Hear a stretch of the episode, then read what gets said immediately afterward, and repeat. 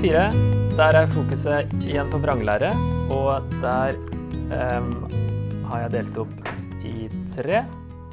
Først er det en sånn eh, liste over frafall. Uh, ånden sier med klare ord at i de siste tider skal noen falle fra troen. Og en eh, liste der over hvordan det skal være. Så er spørsmålet hvor, hvor ånden sier dette klart, som han sier. Er det det han sjøl sa i Apostelens gjerninger 20 om menigheten i Efesus? Eller er det med Jesus i Matteus 24 og parallellene der? Eller er det Jesus i Johannes 16, 13? Husker jeg plutselig ikke hva som står der. Um,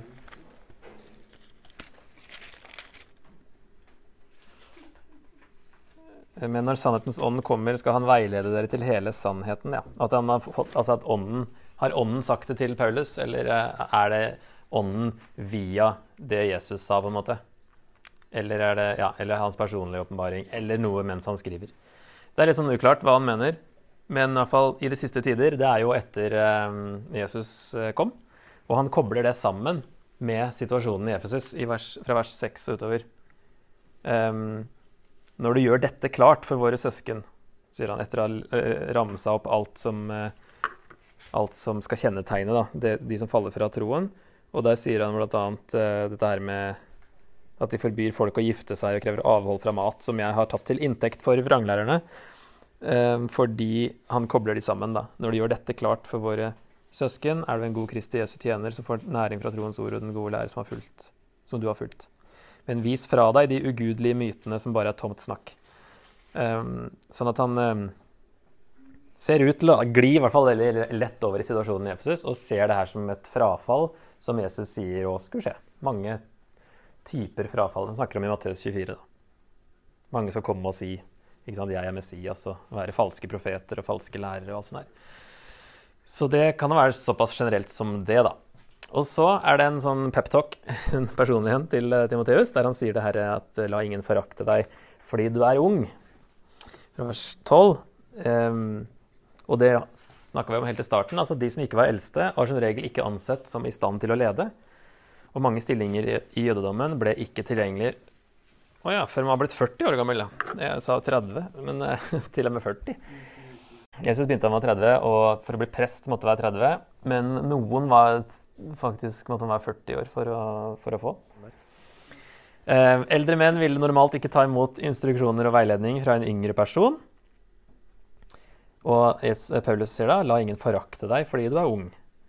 Han skal uansett sin unge alder, i forhold til Paulus og de eldste i Efesus, være et forbilde for andre. Her brukes altså 'i forhold til' i riktig, på riktig måte. altså sammenligning. Ja. altså være et forbilde for andre, også de som er eldre enn seg, og med sin livsstil vise seg verdig sin posisjon. Og det Paulus sier, er altså La ingen forakte deg fordi du er ung, men vær et forbilde for de troende i ord og livsførsel, i kjærlighet, tro og renhet. Så hvis vi tar det som noen underpunkter her Forbilde i ord. Hvordan han snakker, eller hva han snakker om. Ikke kverulere og krangle, som vranglærerne, kanskje. I livsførsel at ordene må vise seg i livet. Practice what you preach. I kjærlighet, som i starten han satte opp som det motsatte av spekulasjoner. En interessant kontrast. Men uh, i hvert fall så noe han har nevnt før, at målet for oppdraget ditt er kjærlighet, sier han i kapittel 1. Forbildet i tro, som vranglærerne jo har forlatt.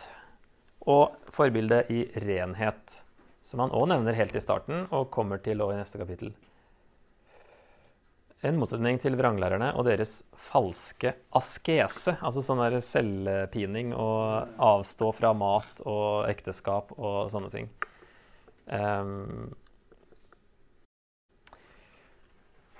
så det var veldig raskt, uh, dette her til Timoteus. Han er ung, men det skal ikke stoppe han. Han kan være et forbilde for alle uansett. Og de punktene, fem punktene Paulus nevner her, da, som uh, er jo ganske tidløse ting, for så vidt, men er jo enda mer viktig i møte med vranglæreren her, da.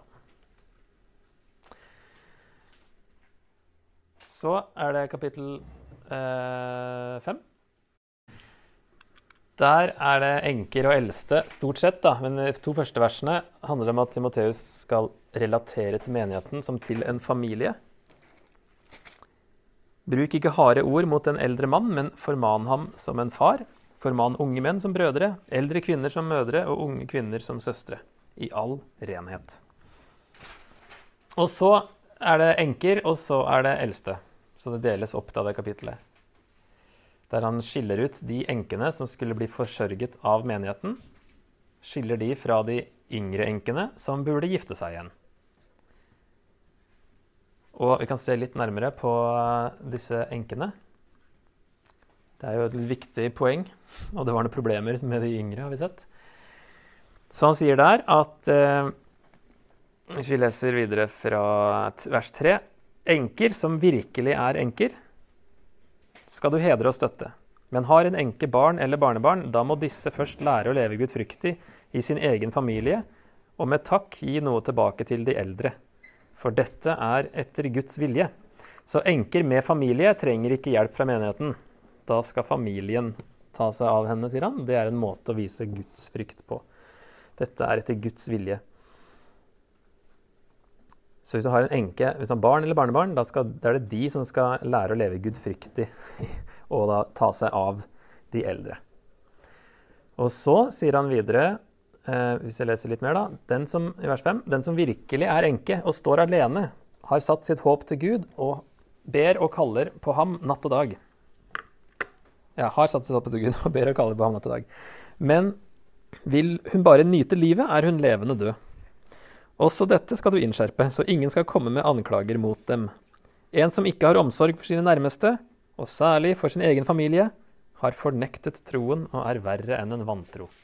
Det er det verste som er viktig å huske på når det gjelder det her med å elske Eller den som eh, ikke hater sin far og sin mor.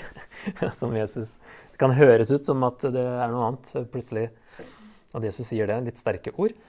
Mens her, eh, både i Gammeltestamentet har vi sett, hedre din far og din mor, og her sier Paulus det ganske tydelig at de som ikke hjelper sin egen familie, spesielt kristne, da, har misforstått fullstendig og er verre enn en vantro. Særlig for sin egen familie har fornektet troen. Så han sier jo at de enkene som har familie, skal eh, bli tatt vare på av sin egen familie. Og den som ikke har skjønt det, har fullstendig misforstått hva kristen tro eh, handler om. Og så kommer i vers 9-11 kommer de kriteriene for å komme på denne lista der 60 ble regnet som pensjonistgrense den gangen. Man var liksom pensjonist når man var 60 år. Så sier hun vers 9.: Bare den som har fylt 60 år, kan innskrives blant menighetens enker. Hun må ha vært én manns kone, være kjent for gode gjerninger, ha oppdratt barn, vist gjestfrihet, vasket de helliges føtter, hjulpet eh, nødlidende og alltid har vært opptatt av å gjøre det gode. Um, så her, hvis vi summerer opp det, da, virkelige enker, som man kaller det, det er jo de som ikke har noen andre eh, familie eller andre som kan hjelpe. Som er gudfryktige, som setter sitt håp til Gud, ber hele tiden, sier han. som ikke lever etter sine lyster, som er over 60 år, har vært trofast mot mannen sin, altså en manns kone, hvis vi tar den eh, som trofast mot mannen. Og er kjent for gode gjerninger, og Paulus kaller altså det som kjennetegner en kvinnes gode gjerninger, er at hun har oppdratt barn, vært gjestfri, vasket de helliges føtter og hjulpet de i nød. Her er spørsmålet igjen, da. Må hun oppfylle alle kravene? Vi så jo på de andre listene. ikke sant? Er det her noe som alle må oppfylle, eller gjelder det her når du er gift, eller det her når du har barn? Ikke sant? Du har i hvert fall ingen andre som kan hjelpe. Um, og så er det ikke sikkert hun må ha oppdratt barn, da, hvis hun aldri har vært Eller hun har vært gift siden hun er en enke. Men det kan hende hun ikke har barn. Eller noen andre slektninger. Kan være. Vi har ikke noe sånn opplegg som det her i menighetene våre, har vi det? ikke så tydelig, i hvert fall. Men uh, gode prinsipper, i hvert fall enker, farløse og fattige er jo de som står veldig nær Guds hjerte gjennom hele Bibelen. De som ikke, de som, altså, som enke i den kulturen ble man jo bare svak med en gang. Hvis ikke man var veldig rik og innflytelsesrik eh, ja, allerede, så ville man bli utsatt Og sånn som når Jesus vekker opp han eh, enkas sønn i Lukas 7, er det det? Så er jo det fordi hun har jo ingen andre. Hun har til og med sønnen dødd. Det er jo krise. Det er ikke bare at det er trist, det er krise for hun. Så ja. Ok, da skal vi se. Vi har bitte litt igjen. Og først litt om slaver. Og der er det slaver med troende herrer det er snakk om. Jeg vet ikke om det er noe nytt. Um, men i hvert fall For det er spørsmålet. ikke sant? Hvorfor sier han det til Timoteus? Timoteus visste jo det. Det henger jo sammen med hvorfor sier han det om kvinnene til Timoteus? Hvis Timoteus visste at dette var en universell liste. ikke sant? Men øh, kanskje han trengte å minne, påminte, eller det er nytt fordi jeg sier noe om troende herrer. Eller Ja. Er, den spiller litt inn på den i kapittel 2, da. Så er det mer vranglære og advarsel mot kjærligheten til penger. Og så er det noen ord til Timoteus til slutt. Formaninger til de rike. Pass dere. Og så en avslutning. um, pengekjærlighet er roten til alt ondt, var et kjent ordtak i oldtiden. Uh, Paulus sier at det til og med kan føre til at du faller fra troen. Så det er ikke at eh, penger er roten til alt ondt, men kjærligheten til penger er roten til alt ondt. Det var allerede, sa man allerede den gangen, og Paulus sier jo det samme. Han siterer jo dem her. Yes. Eh, da Ja. Eh, hva sier 1. Timoteus til oss? Hva slags falsk lære truer i dag? Det er jo liksom hovedspørsmålet ikke sant, med falsk lære. Og vi snakker ikke så mye om vranglære. I hvert fall mange av oss gjør ikke det. Sitter litt langt inne og stempler folk som vranglærere. Hvor går grensa mellom vranglære og ulike teologiske tolkninger, er jo også et litt vanskelig spørsmål. Hvor skal vi dra den linja? Og hvis du ser på Oldkirkens eh, trosbekjennelser, så dro de linja ved liksom Jesu natur og liksom, altså, liksom Gud som skaper Jesus, hele den føttene fra Maria. ikke sant? Eh, etter hvert så ble de mer utarbeida med fokus på Jesu natur, fordi det ble spørsmål om at han var en skapning, eller var han Gud? sant? Men der, der, var linja ganske Jeg vet ikke om høy eller lav, ja. i hvert fall så var den Det var rundt kjernen, da.